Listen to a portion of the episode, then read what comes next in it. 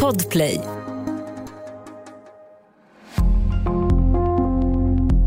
Välkommen till True Crime-podden Sommar.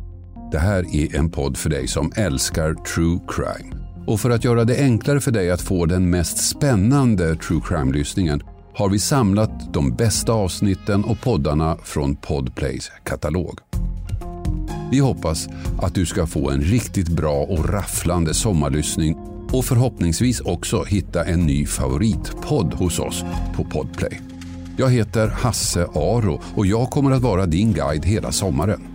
Tack för att du lyssnar.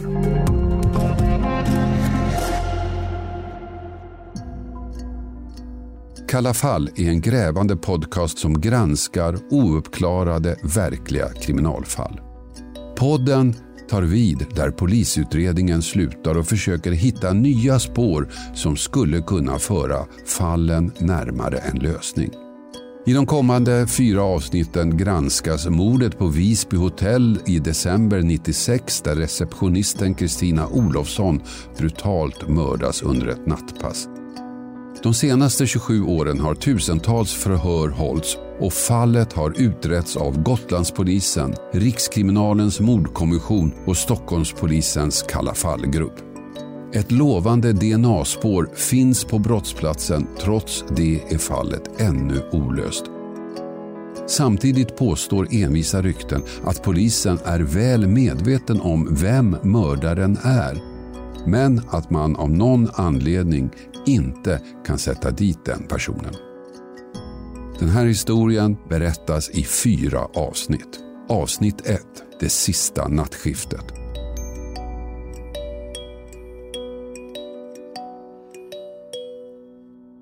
Det var obehagligt alltihop. Det var inte ett vanligt mord så att säga. Va? För det, jag har ju haft ett antal mordutredningar men det, det fanns ju inte dess like mot det här. Det här var speciellt. I december 1996 hittas en nattportier mördad på sin arbetsplats på Visby hotell i centrala Visby. Platsen och våldet och, och jag menar den... Att vi har haft mord på Gotland, det har vi ju haft ett antal, men eh, det här var så speciellt alltså. Många var i chock inledningsvis. För sånt här ska ju inte hända, och inte till en julhelg. En kvinna på Visby hotell har mördats i natt. Ännu finns ingen misstänkt, men polisen har en förhörsgrupp på plats som utreder mordet. Ja, jag blev väckt tidigt på morgonen av telefonen ringde. Och en av mina medarbetare sa att du måste skynda dig ner för Kristina har blivit mördad. Men alltså det som man, den upplevelsen man fick var, den känslan. Men alltså en hotellreception och ett mord, det, det, det är som att skriva en deckare alltså. Polisen har till en början goda förhoppningar om att kunna lösa fallet. Vet du vem mördaren är? Uh, vi vet i vilken krets vi ska söka honom, ja. Men åren går och utredningen kallnar. Och det blev ombytta folk och det sprang hej vilt alltså. Det, det, var, det var så mycket minus i alltihop. Det var galopp i starten, får man prata trav. Under 2010-talet ger tekniska framsteg nytt hopp om att fallet ska kunna få en lösning. Så till ett genombrott i en mordutredning. För tack vare familjesökningar i DNA-register har polisen kommit vidare i utredningen av mordet på Visby hotell för drygt 22 år sedan. Samtidigt har många svårt att förstå hur fallet fortfarande kan vara olöst. Det finns nämligen mycket som pekar på att gärningsmannen bör finnas inom en ganska begränsad krets. Hade hon sett att det var någon där som hon inte kände till, hade hon aldrig gått dit. Hade hon ringt polis. Ja, det var, det var ju min teori länge, liksom, att det, det, är någon som, som känner till de här rutinerna, vet liksom vilka dörrar man ska öppna och var, vart pengar finns. Vi hade ju receptionsmöte med receptionspersonalen dagen innan. Och då säger Kristina att kan, kan vi inte göra om schemat för jag tycker att det börjar bli otäckt att jobba på natten. Så händer det här mindre än 24 timmar efter. Under det år som jag granskat det här fallet så har en allt klarare bild börjat framträda av vad som egentligen hände den här decembernatten. Och vissa av de uppgifter som vi fått fram är nya, till och med för polisen. Aldrig någonsin hört. Um, Det blir lite intressant den här människan som berättar saker för er som, som ju de kanske skulle ha berättat för polisen om de hade såna här teorier och tankar. kan man ju undra varför de inte har gjort kan man bli lite sådär halvt eh, fundersam över. Jag heter Urban Järdek. Och jag heter Tobias von Brown. Det här är säsong två av Kalla fall.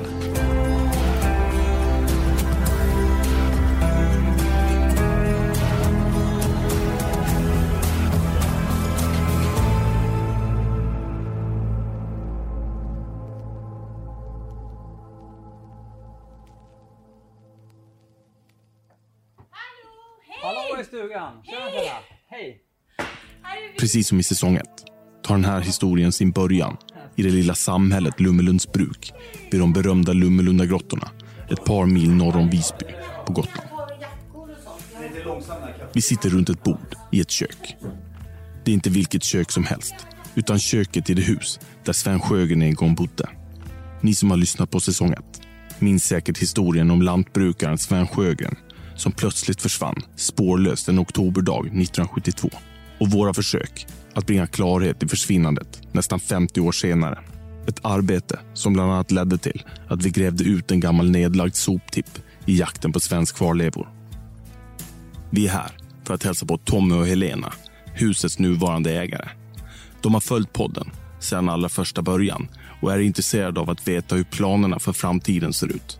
Vi berättar att vi börjat intressera oss för ett annat kallt fall med kopplingar till Gotland, nämligen mordet på Visby hotell. Fallet där en 46-årig receptionist, Kristina Orosson, hittades brutalt mördad efter ett nattpass i december 1996. Jag jobbade som leverantör, som spritleverantör på 90-talet. Ja. 96, 97, 98, 99. Men jag började jobba på krogen ordentligt 2002. För då var jag burmeister. Då, var jag, okay. då drev jag Burmeister det år, eller var ansvarig, driftsansvarig, nöjesansvarig. Kände du någon som jobbade på Visby hotell? Alltså jag kände många på Visby hotell på den tiden för jag var ju säljare och bodde ja. alltid på Visby hotell. Jag älskade att vara på Gotland. Så att, eh, jag tror att jag träffade hon damen som blev mördad också faktiskt. På den tiden. Ja. Jag var ju superstammis på Visby hotell. Eftersom Tommy har arbetat många år inom hotell och restaurangbranschen på Gotland var ju väldigt intresserade av att höra om han hade några kontakter som kunde veta någonting om fallet. Jag har hört mycket om det där därför att jag har folk som, känner folk som jobbade där då. Ja. Eh, som sa att, att, alla vet vem det är. Eh, men eh, han har inte blivit liksom, alltså, polisiärt utrett men inte... Varför vet de det då? Jag vet inte fan, jag kommer, för jag, det där har jag hört väldigt lite om. Jag vet att min gamla restaurangchef jobbade där. Hon var helt säker på att det var, hon sa, jag kommer inte vad namnet var nu. Och Stefan Wall och Marina Wall, de drev ju Friheten då. Och jag är bra polare med dem och han visste också vem det var. Så de ska ni snacka med. De var helt säkra på att det var den där snubben. Det var, det var någon jävla... Eh, var det rör, Rörtom va? Mm. Hon blev nedslagen med va? Ja, Bultsax. Bultsax. Ja, otroligt sjuk grej alltså. Tommy erbjuder sig att ringa upp sin kompis som tidigare arbetat på hotellet. Jag ska ringa Stefan och fråga om han har namnet på den som, som han trodde. Ja. Det är så här, Gotland, man kan gå så här från Sjö, till Sjögrens hus och så har man ingång direkt till hotellmordet också. Liksom. Underbart. Det var på Gotland här kan jag. Ja men faktiskt. Ja, ja men Mr Wall, kärleket. Du, jag har en snabb fråga till dig. Jag sitter eh, med eh, Sven Sjögren-grabbarna, eh, Tobias och Urban. Och vi sitter och pratar om hotellmordet. Och visst har du koll på hotellmordet? Du jobbade inte, hade inte du friheten när det hände? Nej, jag var köksmästare när det hände. Ännu mer intressant. Nej, jag var nästan först på plats. Eller jag, Petter, kommer du ihåg Petter? Han som... Ja, just det, precis. Han, han, var ju köks, eller han var ju restaurangchef. Så han blev ju, det, det var ju som hittade henne då i gången där och, och, så var det ju, och han ringde ju till Petter innan han ringde polisen. Oj då. Och vem, vem tror du var mördaren?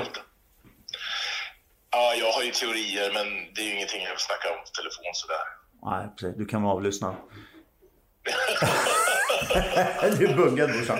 Jag träffade han, vad heter han, eh, polisen, han heter eh, Björkander. Han säger ju att de vet vem det är och att vi, vi har honom snart men de kan inte sätta dit Polisiärt utrett men inte åtalat. Ja, han, han, säger ju det att det är precis så eh, och, och, och att han då eh, har tur så maler vi en, en av de här som jag tror. Mm. Fan vad sjukt alltså. Tänk att komma, komma undan och, och ha mördat en människa. Liksom. Fy fan vilken ångest det måste vara ändå. Mm. Alltså. Jag, jag, tänker på det nästan dagligen. Alltså. Det är sjukt att du ringde och pratade om det. Alltså. För jag, jag, jag är helt... Uh, ja. ja, det, det är otäckt det där. Alltså, att man, jag känner på mig att jag, jag känner mördaren. Liksom. Fan vad sjukt alltså. Ja. Och den snubben går fri fortfarande. Han går runt på stan här de säger att... Det, det, det, finns ju vissa som säger att han sitter inne. Och det finns det någon som säger att han är död. Och, och, och, sådär. Jag, och jag vet inte vilka teorier de går på, men jag har ju min. Det lät som ett intressant spår. Men en sak vi tidigt lagt märke till när vi började granska det här fallet var att väldigt många människor på Gotland har sina egna teorier om vem mördaren skulle kunna vara. Oftast rör det sig om någon man känner eller har träffat på. Men när man skrapar på ytan så brukar det ofta inte finnas särskilt mycket substans i misstankarna.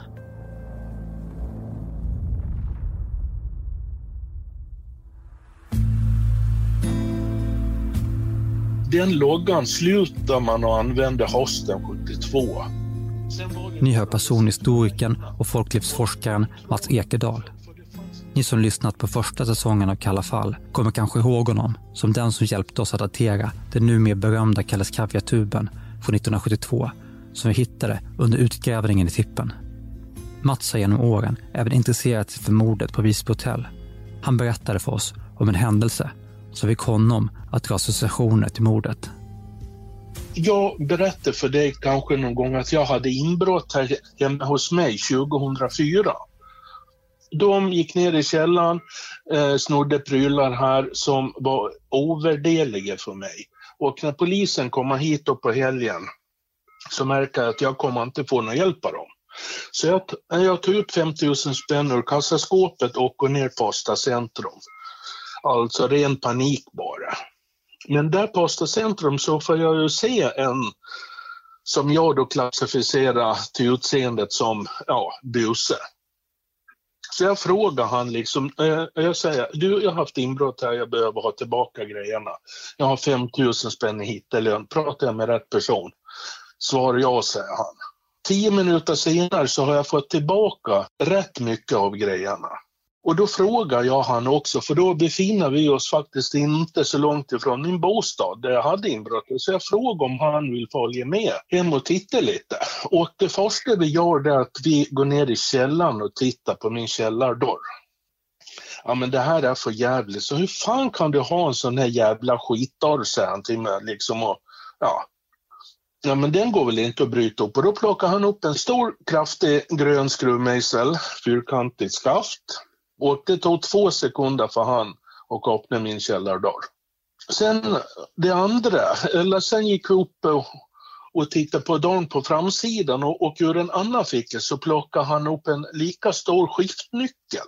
Och ska du bryta sönder mitt eh, lås på, på dörren på framsidan. Och det här var verktyg som han hade i fickan. Och alltså min, min, min uppfattning är, är, att de här verktygen hade han hela tiden. Det är ungefär som en läkare som har ett stetoskop. Va? Sen i alla fall så, så, så, så, eller så frågar han, liksom, för han berättar ju då att den som gjorde inbrottet, för det hade han ju tagit reda på på tio minuter, hon, hon hette då och sen så sa han också så här att ja, det var bra att du inte gick ner och bråkade med henne. Ja, varför då? Ja, och när hon blev trängd så började hon vifta med kniv, sa han. Och det är inte så jävla trevligt. Jaha, andra tjuvar eller någonting sånt här? L liksom frågar jag. Liksom, hur, hur reagerar de när de blir påträffade så här liksom vid opassande? Ja, du kan ju se hur det gick vid Visby hotell, säger han.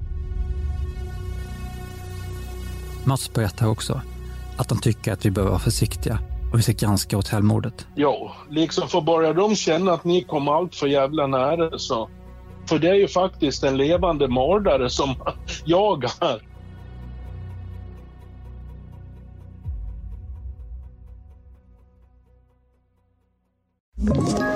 Ett poddtips från Podplay.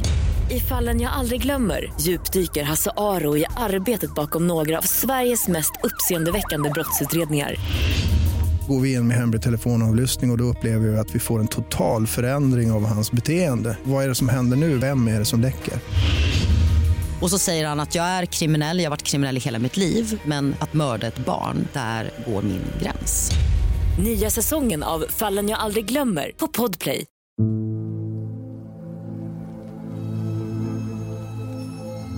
Det är en kall decemberdag, bara några dagar efter årsdagen av mordet, när jag knackar på hos före detta hotelldirektör Gun Widgren Stengård. Gun bor i ett vackert gammalt stenhus i hjärtat av Visbys medeltida stadskärna. Du ska sätta igång Tobias här också. Uh, Ja, så han, han vill vara med fast ja. han är sjuk. Ja, ja precis. Tobias skulle egentligen ha varit med, men hade insjuknat i förkylningssymptom och feber dagen innan.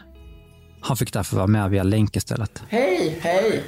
Jaha, Det är du och jag som har pratat. ja, just det. Så där är du hemma i, i sjuksängen. Ja, he- hemma, hemma i sjukstugan, ja, precis. Ja. Du är inte från, eh, från Gotland? Nej, jag är ifrån Stockholm, eller närmare bestämt från Värmdö utanför Stockholm. Så där har jag bott eh, ja, hela uh, till jag flyttade hit ner och, och började jobba med hotellet. Gun Widgren Stengård var hotelldirektör på Visby hotell från 1991 till 2002. Men hotellets historia sträcker sig betydligt längre bakåt i historien än så. 1856 startade det första hotellet på platsen, då under namnet Hotell Gotland. Men själva byggnaderna som hotellet är beläget i är ännu äldre. De äldsta delarna av komplexet härstammar från 1200-talet. Så småningom blev hotellet Visby stadshotell, kallat Statt i folkmun. Men det var redan då även känt under namnet Visby hotell. Det blev också det officiella namnet när hotellet i slutet av 80-talet genomgick ett ägarbyte och omfattande ombyggnationer. Jag jobbade på Grand i Saltsjöbaden. Och så var det en i styrelsen där som sa, jag skulle åka ner till Gotland på semester och så sa han, ja men då måste du titta på Visby hotell. För det är något alldeles fantastiskt. Det ska bli något alldeles fantastiskt. Vid ombyggnationen hade man bland annat anlagt en stor inglasad vinterträdgård med bar och scen. Gun hade varit i kontakt med hotellets ägare och fått en rundvisning i anläggningen. Och sen gick det bara, snurrade på. Sen så ringde de och så sa de, ja, du kan få jobbet som chef på hotellet. Det hade jag inte tänkt mig alls egentligen. Jag hade tänkt att trappa ner lite. Jag var ju då fyllda 50, jag var lite över 50 år.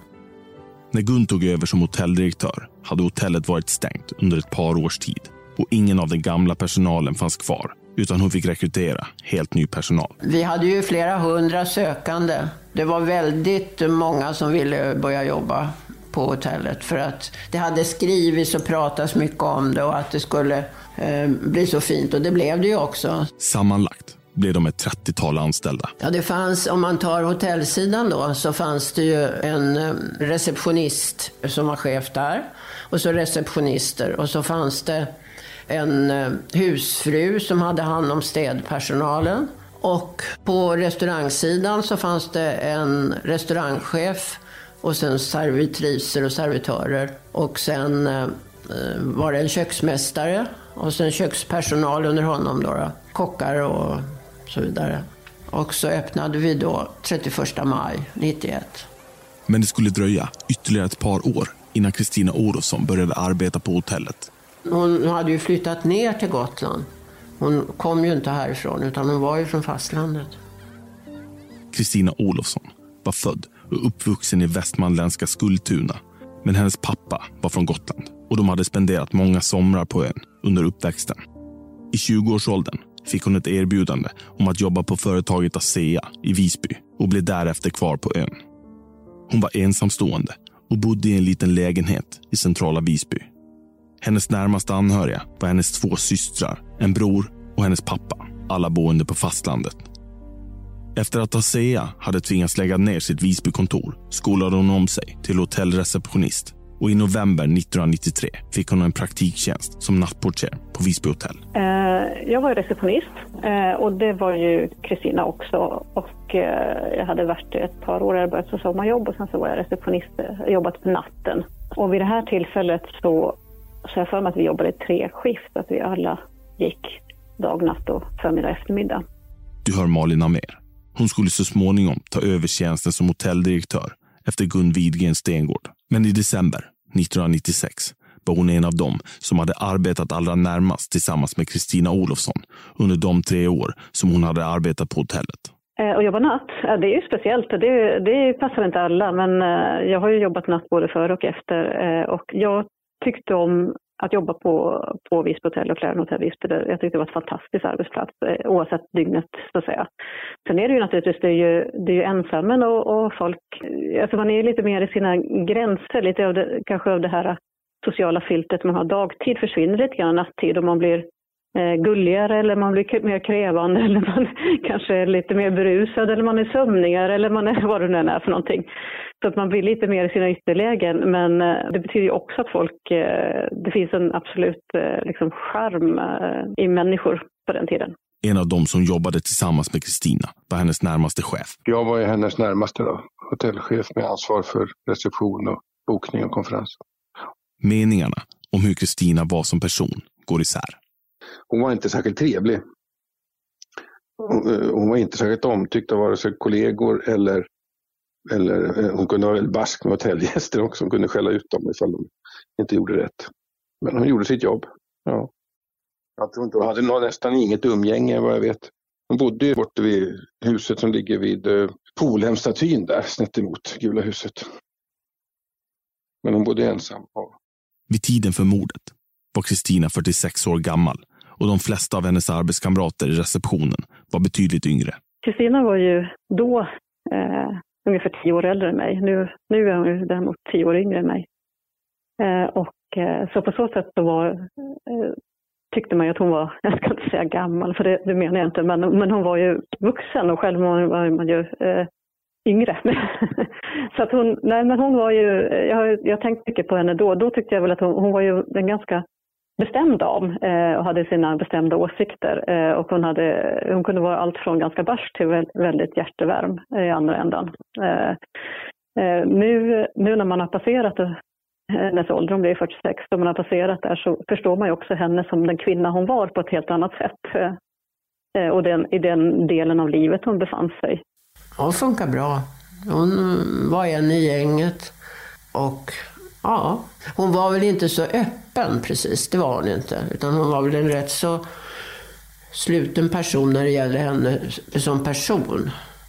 Men hon var ju eh, en i teamet som jobbade bra eh, ihop med de andra, absolut. Enligt Gun Widgren Stengård var hotellet vid tiden för mordet trots allt en harmonisk arbetsplats. Det var god ordning, god stämning. Vi eh, hade ju byggt upp ett team som jobbade tillsammans och där vi kände väldigt starkt för hotellet allihopa och för varann och så vidare. Och alla jobbade lite grann över gränserna. Okej, man var kanske anställd som eh, receptionist.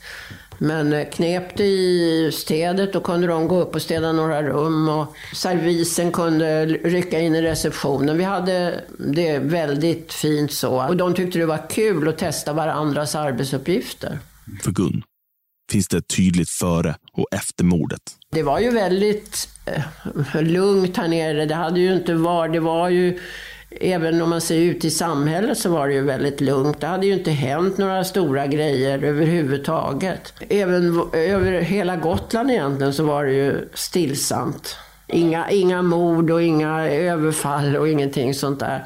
Men jag menar, sen har ju hela samhället förändrats. Men det är klart att för oss som jobbar där nere så känner man ju att det var en tid fram till mordet och sen blev det annorlunda. Det blev det ju. Men eh, det var ju väldigt trygghet här nere. Jag menar, vi hade ju stora konferenser med mm, regeringschefer från hela Östersjöområdet som var nere här. Och det var ju inga stora bevakningar egentligen. Det är klart det var säkerhetsfolk som var här nere och kollade av och så vidare. Men då kunde ju någon president sätta sig på en cykel och cykla iväg ut mot Snäck. Och, ja, han kanske hade någon som cyklade med honom. Men det, det var ju... Och, eh, Helmut Kohl, han gick här på gatorna, gränderna här, här inne fritt och, och så vidare. Så att, ja, det var, det var väldigt lugnt här nere. Onsdagen den 11 december var en arbetsdag som vilken som helst på hotellet. Kristina hade precis kommit tillbaka efter ett par veckors semester i Florida. Det här skulle bli hennes andra nattpass efter att hon kom tillbaka från resan.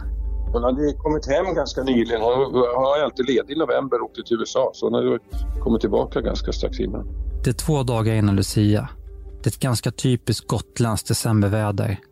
Runt två plusgrader, några enstaka droppar från ett mycket lätt duggregn och svaga till måttliga sydvästliga vindar. En av Kristinas kollegor minns att hon jobbade passet innan Kristina skulle gå på för natten. Så jag jobbade ju passet precis innan. Så jag var ju den som Kristina löste av på kvällen. Och det var ju danskväll så hon var ju ganska sur och irriterad. Hon hatade när det var dans och när det var fulla personer som liksom kom fram och störde henne. Det var det värsta hon visste. Och jag kommer ihåg att jag tänkte, jag ska gå hem och inte liksom konfrontera henne med allt för mycket grejer för att hon eh, skulle känna sig så välkommen som möjligt. Hon kommer precis hemifrån semester i USA. Så jag, jag säger hej då till henne och sen vi ses imorgon bitti för jag skulle också vara den som skulle komma på morgonen och lösa av henne då. Under kvällen så serverades det julbord och i festvåningen, en trappa upp, hade posten sin årliga julfest. Senare blev det dans och bandet Gotlänningarna spelade på scenen i Vinterträdgården fram till småtimmarna. Kvällen var lugn och utan bråk. Den sista av dansgästerna släpptes ut i samband med att hotellet stängde sina entrédörrar klockan 02.30. På hotellet bodde denna natt ett 60-tal personer som en efter en hade gått och lagt sig. När de övriga anställda avslutade sina arbetspass och gick hemåt bredde stillheten ut sig över hotellet. I receptionen stod Kristina Olofsson ensam kvar under det som skulle bli hennes sista arbetspass. På morgonen efter rapporterade Sveriges Radio P4 Gotland. Ett mord har begåtts i Visby. En kvinna på Visby hotell har mördats i natt. Ännu finns ingen misstänkt men polisen har en förhörsgrupp på plats som utreder mordet. Enligt polisen är det troligen ett rånmord.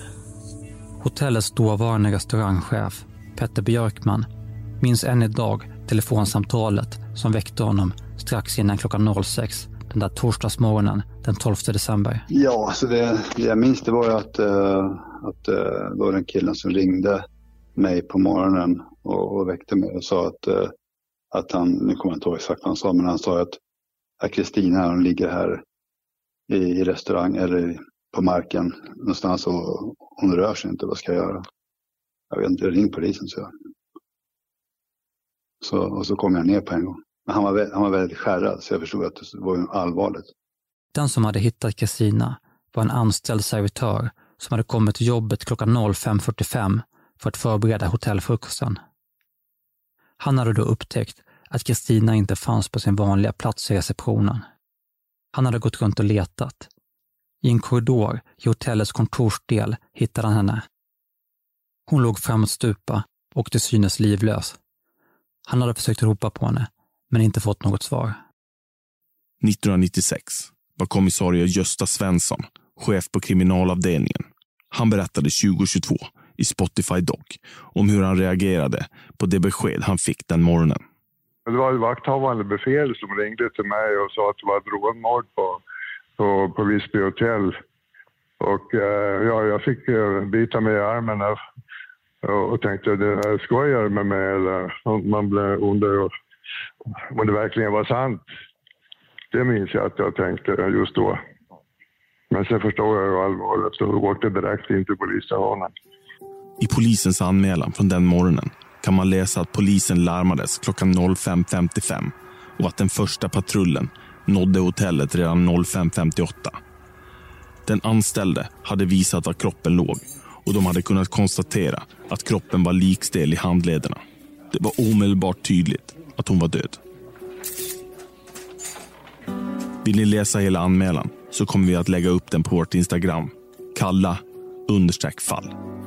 De ringde till mig för att vi har ju haft liksom jour på krim och inte. Va? Och jag undrar om inte jag hade krimberedskap då. Ni hör kriminalinspektör Björn Christer Larsson, kallad BC. Han var en av de poliser som var först på plats. Ja, det var jag och sen var det väl en del uniformerade poliser som var där som hade, när larmet hade gått. Eh, Gösta Svensson kom ju sen och jag undrar om inte Sven Modin kom det, som då var åklagare kom dit också. En ambulans anlände också till hotellet, men de konstaterade snabbt att det inte fanns någonting där för dem att göra. Vi vände ju direkt på klacken när vi såg hela det här och så måste vi spärra av och så få en tekniker på det här. Va? För att det gäller ju att, att hitta spår och stänga av det, va? för det gjordes väl i det utrymmet ganska bra. Och det är ju så att, att man går inte runt på en brottsplats hur som helst. Och jag fick ju lära mig en gång i tiden när jag gick polisskolan 65 att när man kommer till en brottsplats då ska man ta händerna och stoppa dem i fickan och gärna sätta sig på en stol och fundera på vad är det som har hänt här? Istället för att du bara går runt här och lyfter på saker och ting. Va? Och den principen tillät vi där. Va? Att det var att dra sig tillbaka. För att det första man ska göra det är att rädda liv, men det här gick ju inte att rädda liv.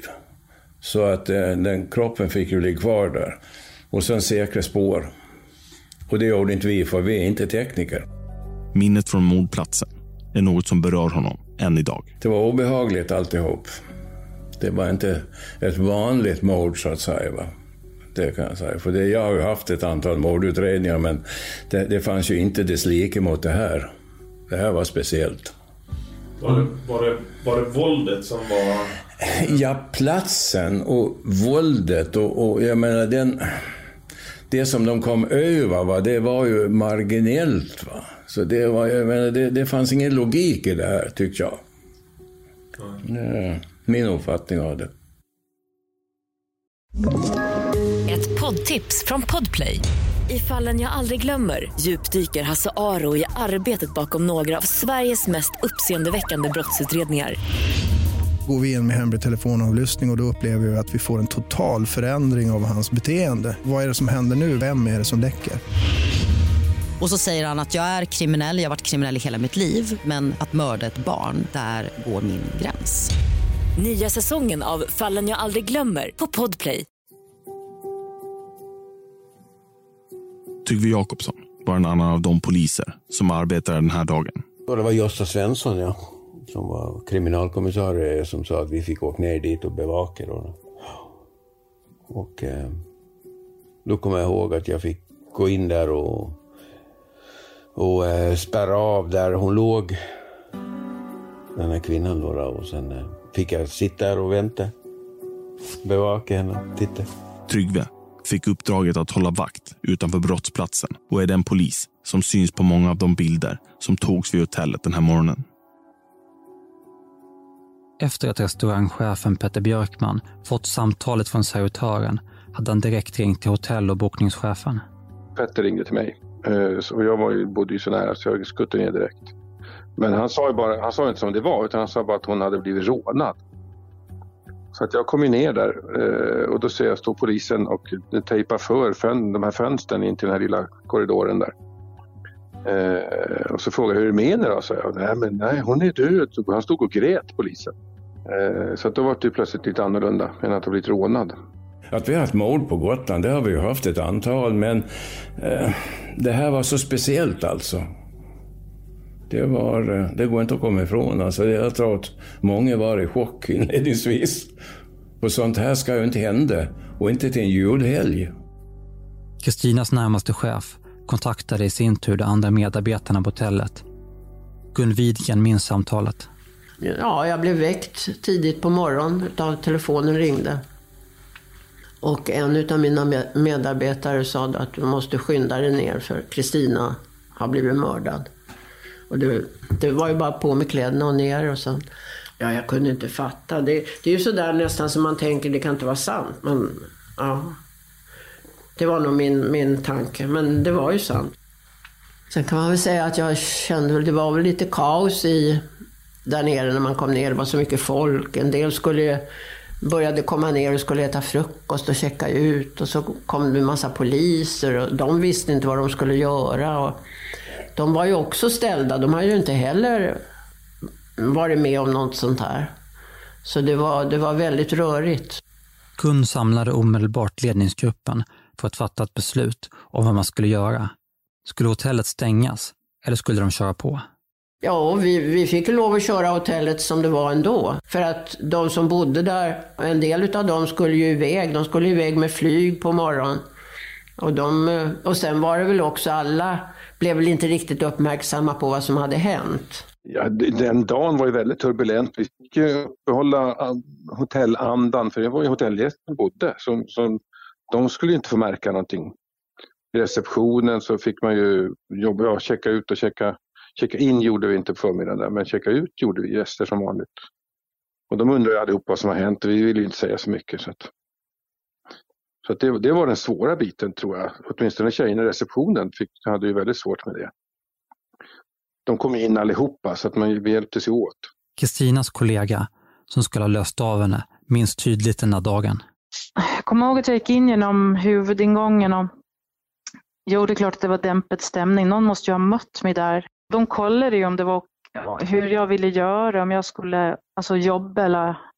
Och jag fattade ju fortfarande inte att hon inte levde alltså.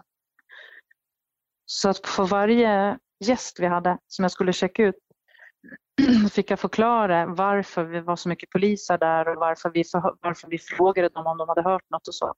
Att det har hänt en eh, sa vi olycka här i natt eller det har hänt. Jag minns inte riktigt vad vi sa men det var därför vi var tvungna att, att förhöra dem om de hade hört något på natten. Då. Även om hotellet hölls öppet så spärrades flera delar av byggnaden av. Korridoren där Kristina hittas mördad, området kring receptionen och även en trappa som ledde från de övre delarna av hotellet ned till personalutrymmena. Till skillnad från idag så var det ganska öppet. Alltså det kanske var för att det var ett hotell, men jag kunde gå in i receptionen, jag kunde gå fram till avspärrningarna som var fyra, fem meter ifrån där de hade sina eh, där teknikerna och poliserna. Jag såg ju ingenting in i det utrymmet där hon låg och där, där det hände. Utan man såg dem och man såg allvaret i, deras uh, arbete så att säga. Du hör pressfotografen Tommy Söderlund. ja, jag var ju där som i egenskap av fotograf på GT. Så var jag där tidigt på förmiddagen och sen höll jag bevakningen under hela mitt arbetspass till sent på kvällen när de hämtade henne med, med bil. I samband med att det här avsnittet släpps så kommer vi publicera några av Tommys bilder från den här morgonen på vår Instagram, kalla fall. Det var jag som var ansvarig där på morgonen för receptionen och jag skulle liksom försöka checka ut alla gäster. Vi hade ganska många eh, avresande gäster. Så att eh, vi fick ju inte gå in i receptionen utan det var ju avspärrat så jag satt utanför med en liten eh, med ett bord liksom och försökte skriva av eh, kontokortsnummer för hand så många jag bara kunde när, när de skulle resa iväg. Och sen står ju polisen och, och eh, förhörde de avresande. I efterhand så är det många som har frågat sig om det trots allt var rätt beslut att hålla hotellet öppet. Jag, vet, alltså det, den, jag tror inte att den frågan ställdes då, att stänga hotellet. Det tror jag inte. Mm. För att det, det, var ju fullbelagt och gästerna skulle iväg på morgonen med flyg. Och eh, det var ju bokat då julmiddag till kvällen igen. Jag tror man såg det som helt omöjligt att stänga till det. Låst till det. Mm. Det hade varit det bästa naturligtvis. Tomte. En rolig grej var ju, jo vi stoppade ju all ingående som kom dit, folk alltså. Men då visade det sig helt plötsligt så står det två stycken som hade bokat in rum där. Om det var Expressen eller Aftonbladet. Alltså. då ska de bo där. det var ju också en drömsits. Ja, ja. vad ska de göra? De ska hyra de här bakrum här. Ja. Kommer flyget på morgonen och står där med väskorna. och det är väl kanske inte vanligt att på en brottsplats att man flyttar in där. Om man nu ska säga något roligt i det landet. Polisen hade under morgonen omedelbart kallat in all tillgänglig personal som fanns i tjänst och ringde därefter in så många som möjligt ytterligare. Snart fanns ett femtontal poliser på plats för att börja arbeta med fallet. Förutom att genomföra förhör med alla på hotellet som kunde tänkas veta något så var det viktigaste att så snabbt som möjligt komma igång med den tekniska undersökningen av brottsplatsen. Gotlandspolisens tekniker vid den här tidpunkten var kriminalkommissarie Eske Hoas, men han fanns inte på plats. Alltså det, vår normala kriminaltekniker hade tagit ledigt för att han skulle gjuta huset i Tofta. Vi fick hit två stycken, okej, okay, men jag menar julen står för dörren för dem också och inte, det här var ju ett, det var, det var inte intressant liksom, det, för det här var vårt ärende. Va? Ni som lyssnat på säsong ett av Kalla fall kanske minns SG som den polis som gjorde större delen av brottsplatsundersökningen i Sven Sjögrens hus. När vi intervjuade hans dotter Margareta nämnde hon även hotellmordet. Det sista det var ju hotellmordet precis. Samma dag eller dagen, ja så då så göt de grunden till sitt hus och pappa mm. var tjänstledig just den dagen när den tekniska undersökningen skulle göras. Det. Ja, det så, han, så de fick ju ta hit några tekniker från fastlandet och göra det där. Ja. Och så gick ju pappa i pension bara en månad efter. Större delen av den tekniska undersökningen genomfördes därför av personal från Rikskrim i Stockholm. De stängde sig av det där lilla utrymmet där. Sen så låg de på mage på kontorsstolar med hjul på och förstoringsglas och starka lampor och plockade upp varenda hårstrå de hittade. Kommer jag ihåg i mattan där. Hotellet genomsöktes även med hundar i jakten på eventuella spår, men utan resultat. Under hela dagen arbetade man med att genomföra förhör. Man hörde de anställda på hotellet, boende i närområdet och en del av de personer som hade besökt julbordet i dansen kvällen innan. Sist men inte minst förhörde man det 60-tal gäster som hade bott på hotellet under mordnatten. Genom förhören så kunde man sluta sig till när den sista kända observationen av Kristina hade skett. Denna person hade dessutom en intressant detalj att berätta. Ja, men jag minns några som hade hört något metallljud. Alltså som stod vid hissen och skulle ta, ja, skulle ta hissen upp till hotellrummet och som hade hört ett metalliskt ljud. Det kommer jag ihåg och de pratade med polisen så det borde ju finnas i något förhör där. Gästen hade kommit in genom huvudentrén runt klockan 03 med hjälp av passerkortet till sitt rum. Han hade gått förbi receptionen och då hejat på Kristina som stod bakom disken. Därefter hade han gått till hisshallen för att ta hissen upp till sitt våningsplan. När han stod och väntade så hade han hört ett metalliskt ljud inifrån den korridor där Kristina senare skulle hittas mördad. Han hade reagerat på ljudet, men precis då hade hissen kommit och han hade stigit in.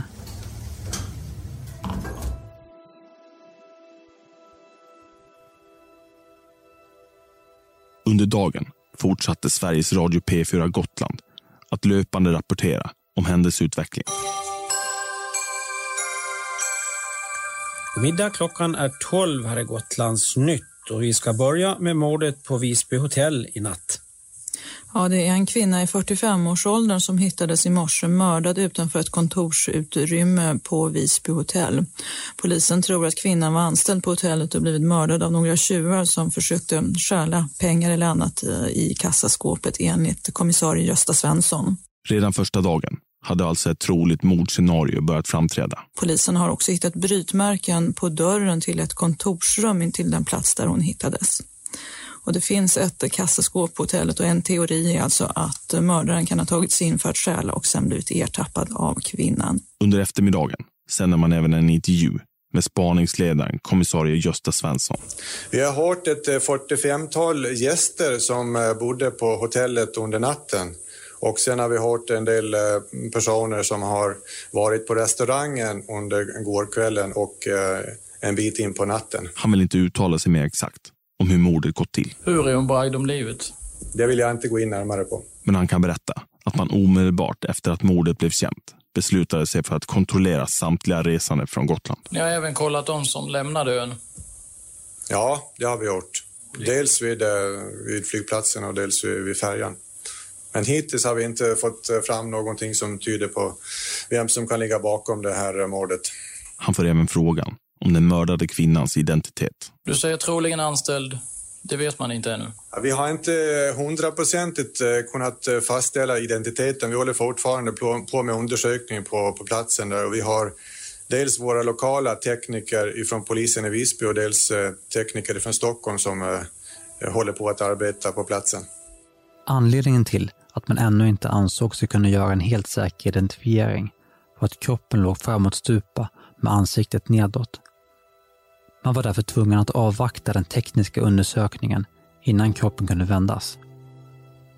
Gun Widgren Stengård minns att hon fick se mordplatsen. Hon låg i eh, en korridor där eh, de administrativa kontoren fanns. Min minnesbild är egentligen att jag såg, om vi säger att hon låg med huvudet ner och man såg halva ansiktet på henne. Det är vad jag kommer ihåg. Ja, hon hade ju fått ett slag i huvudet. Fast det, det ja, i bakhuvudet, ja, i bakhuvudet. Men det såg jag ingenting av egentligen. Men den som slutligen fick identifiera kroppen var Kristinas närmaste chef. På eftermiddagen så, så eh, skulle de identifiera henne och det ville Gun inte göra så frågade då fick jag göra det då. Då vände man på henne, för hon låg ju på mage så då vände man henne så att hon kom på rygg då, så vi skulle se att det var hon då. Det visste vi ju. Men... Polisen hade till en början inte velat berätta hur Kristina Olofsson bragts om livet. Men de kommande dagarna gick man ut med att det hade skett genom vad man beskrev som ett kraftigt våld mot huvudet.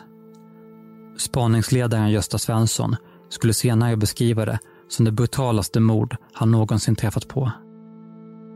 Intill Kristinas kropp hade man hittat en 70-80 cm lång bultsax som visade sig komma från hotellets eget verktygsförråd. Dess roll i mordet var till en början oklart, men efter att den tekniska undersökningen var klar gick man ut med att det rörde sig om mordvapnet. Några fingeravtryck från bultsaxen hade man dock inte lyckats säkra. Av allt att döma så rörde sig mordet om ett inbrott som gått snett. Inbrottstjuvens mål verkade ha varit de kassaskåp som fanns i hotellets administrativa del i samma plan som receptionen. Var dels ett rum med eh, vad heter det? sån här safety box och sen var det ekonomichef och så var det mitt rum och så var det restaurangchefens rum som låg i den korridoren. I korridoren där Kristina hittades fanns två olika kassaskåp. Det första skåpet stod fullt synligt i ett olåst rum med glasdörrar. Ja, vi hade ett, ett kassaskåp där vi hade våra växel, växelkassor. Som var egentligen ett, ja, det var ett kassaskåp men, men eh, det, det låste liksom aldrig. Det var, det var en stor det var ett stort kassaskåp men det var en liten plåtdörr bara som vi hade låst. Själva skåpet stod alltså olåst. Men inne i skåpet fanns ett par enklare värdefack som samtliga var låsta. I ett av dessa förvarade hotellrestaurangen sin växelkassa. Under brottsplatsundersökningen upptäckte man att facket där pengarna förvarades var uppbrutet och pengarna försvunna. Exakt hur mycket pengar det rörde sig om har man aldrig lyckats få någon fullständig klarhet i. Men det rörde sig inte om mer än som mest några tusen kronor. Ja, jag tror det var 6 000 kronor eller någonting sånt där. Så det var ju inga stora pengar. I samma korridor finns även ett väl synligt inkast i väggen där kontanter från hotellets dagskassor brukade deponeras. Och så fanns det en, en bankningskassett in till ekonomikontoret där man bankade dagskassorna. Eh, så att, eh, och det var från receptionen och det var från restaurangen. Eh, och det fungerade som en vanlig bankningskassett. Inkastet ledde till ett kassaskåp som låg inne i ekonomichefens kontor. På dörren till kontoret fanns tydliga spår av brytmärken. Någon hade med hjälp av någon form av redskap försökt lossa dörrkarmen för att kunna ta sig in i rummet, men försöket hade uppenbarligen avbrutits. Men hur hade då gärningsmannen tagit sig in i hotellet från första början? Till en början övervägde man möjligheten att gärningsmannen måste ha dröjt sig kvar och gömt sig i hotellet efter danskvällen. Men ganska snabbt upptäckte man att reparationsarbeten pågick i några hotellrum längs hotellets södra fasad. Rummen och även fönstren skulle målas om och i samband med det hade man dagen innan mordnatten plockat bort fönstren och ersatt dessa med plastskydd. Fönsteröppningarna var belägna i markplan längs en upphöjd terrass ovanför hotellets varuintag. När man undersökte plastskydden närmare upptäckte man att skyddet till fönstret i rum 112 hade manipulerats. Ja, det, det är ju några, någon eller några har ju varit där. Och vad vi vet så har de förmodligen tagit sig in på södra delen av hotellet ifrån restaurang Oskars gamla trädgård. Eh, för där höll vi på att byta fönster. Eh, så att det var ju bara sådana här paraplyer på bottenvåningen. Som, som är för så att man inte ska, inte ska blåsa in eller regna in. Och det, ett sånt vad jag vet var ju borttaget. När polisen förstod att någon uppenbarligen verkar ha tagit sig in genom plastskyddet under natten spärrades även rum 112 av och man påbörjade en teknisk undersökning även där. En annan fråga som utredningen tidigt brottades med var varför Kristina befunnit sig i korridoren där hon hittades mördad. Hade hon lämnat receptionen i något ärende? Eller hade hon hört ljud från det pågående inbrottet och begett sig dit för att undersöka? Dagen efter mordet samlades de cirka 30 anställda på hotellet för att trösta varandra och samtala om händelsen med en tillkallad krisgrupp och en sjukhuspräst. Eh, ja, vi fortsatte verksamheten så gott vi kunde för vi hade ju inbokat en massa. Och det var väl också när man funderade hur ska vi göra så var väl tanken att det är bättre att det löper på precis som vanligt och att alla försöker att, att jobba de som kan. Sen hade vi ju eh, grupper, psykologer och grejer som personalen kunde gå till, de som behövde hjälp. För det är ju så olika hur människor reagerar. En del blir ledsna, en del blir arga och en del blir ja, deprimerade. Men samtidigt så hade även frön av misstänksamhet börjat gro inom de egna leden. Då vet jag att jag eh, förstod att jag menar, det betyder att det kan vara nästan vem som helst och att jag antagligen vet vem det är i slutändan. Gotland är ju så pass litet. Att det här kan ju vara stor risk att det är någon som man ja, träffat i andra sammanhang eller eh, vars familj man har träffat i andra sammanhang eller, eller så. Eller någon som kanske har redan befunnit sig på hotellet tidigare. Så att eh, så på något sätt öppnade det för min del upp, upp att det kunde vara så vansinnigt många att jag var tvungen att liksom stänga den dörren och sluta tänka vem kan det vara. Det blev för svårt att misstänka en hel befolkning på något sätt. Så, så att någon, någon typ av koppling till, till hotellet, det, det tror jag finns. Men om, om det är en person som har jobbat där eller om det är en person som uh, har fått tips från någon som har jobbat där, ja, det, är, det är väldigt svårt att säga. Men, men om med information, eh, det känns ju som att det är kunskap om var, var pengar förvaras och rutiner och så vidare. För det var nämligen en sak som de anställda på hotellet särskilt hade reagerat på. I skåpet där växelkassan stulits så var det nämligen bara just det plåtfack där växelkassan faktiskt låg som hade brutits upp. De övriga facken hade lämnats orörda.